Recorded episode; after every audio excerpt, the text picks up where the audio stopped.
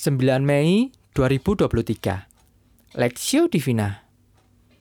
Yeskiel pasal 3 ayat 16 sampai 21 Sesudah tujuh hari, datanglah firman Tuhan kepadaku. Hai anak manusia, aku telah menetapkan engkau menjadi penjaga kaum Israel Bila mana engkau mendengarkan sesuatu firman daripadaku, peringatkanlah mereka atas namaku. Kalau aku berfirman kepada orang jahat, engkau pasti dihukum mati.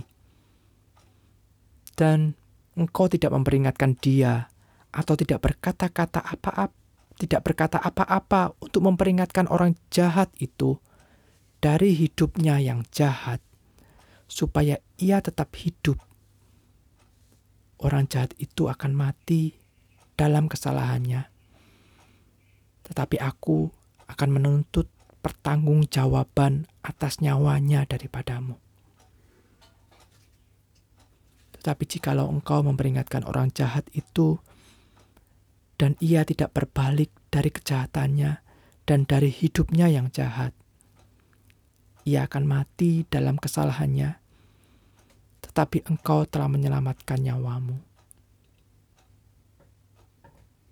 Jikalau, jikalau seseorang yang benar berbalik dari kebenarannya, dan ia berbuat curang, dan aku meletakkan batu sandungan di hadapannya, ia akan mati, oleh karena engkau tidak memperingatkan dia. Ia akan mati dalam dosanya, dan perbuatan-perbuatan kebenaran yang dikerjakannya tidak akan diingat-ingat. Tapi aku akan menuntut pertanggungjawaban atas nyawanya daripadamu. Tetapi jikalau engkau memperingatkan orang yang benar itu, supaya ia jangan berbuat dosa, dan memang tidak berbuat dosa, ia akan tetap hidup, sebab ia mau menerima peringatan dan engkau telah menyelamatkan nyawamu.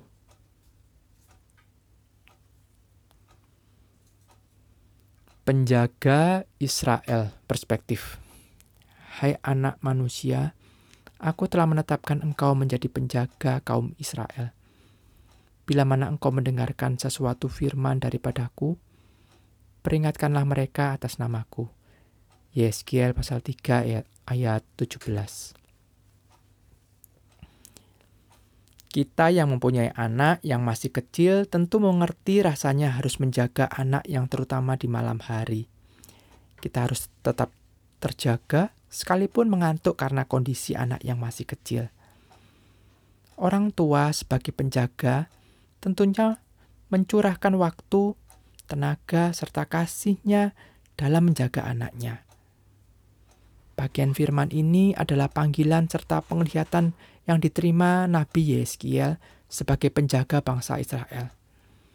Setidaknya ada dua hal yang diminta Allah dan menjadi tugas bagi Nabi Yeskiel dalam menjaga bangsa Israel. Pertama, seorang penjaga harus memperhatikan apa yang Allah katakan tentang umatnya. Kepekaan untuk mendengar suara Tuhan menjadi hal paling utama sebelum ia menyampaikan kepada umat Tuhan.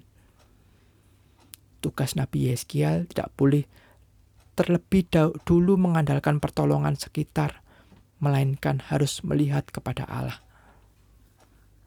Mengandalkan firman Tuhan harus menjadi teladan Nabi Yeskiel untuk dilakukan oleh bangsa Israel. Kedua, ia juga harus berani menyatakan kebenaran, memberi peringatan bagi mereka yang hidupnya jauh dari Tuhan. Peringatan yang disampaikan haruslah disesuaikan dengan masing-masing orang, orang baik maupun orang yang jahat. Tugas ini tidak mudah, karena jika ia tidak melakukannya, maka Nabi Yeskiel harus mempertanggungjawabkannya, sebab dalam hal ini Nabi Yeskiel adalah penyambung pesan Allah dalam hal ini. Seringkali kita pun punya kesempatan yang sama seperti yang Tuhan berikan kepada hambanya. Kita punya kesempatan untuk mendengar isi hati Tuhan dalam firman-Nya.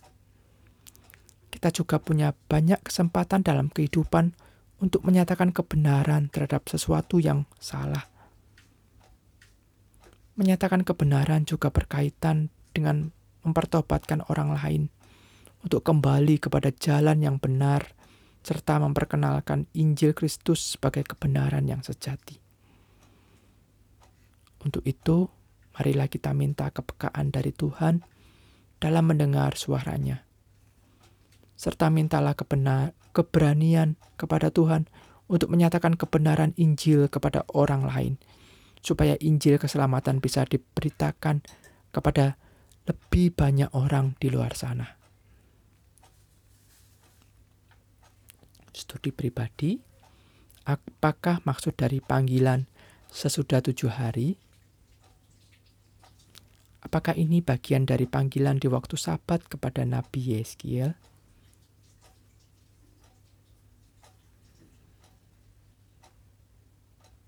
Pokok doa, berdoalah dan bersyukurlah jika kita masih punya kesempatan untuk mendengarkan firman Tuhan dan mengabarkan Injil keselamatan Tuhan memampukan kita.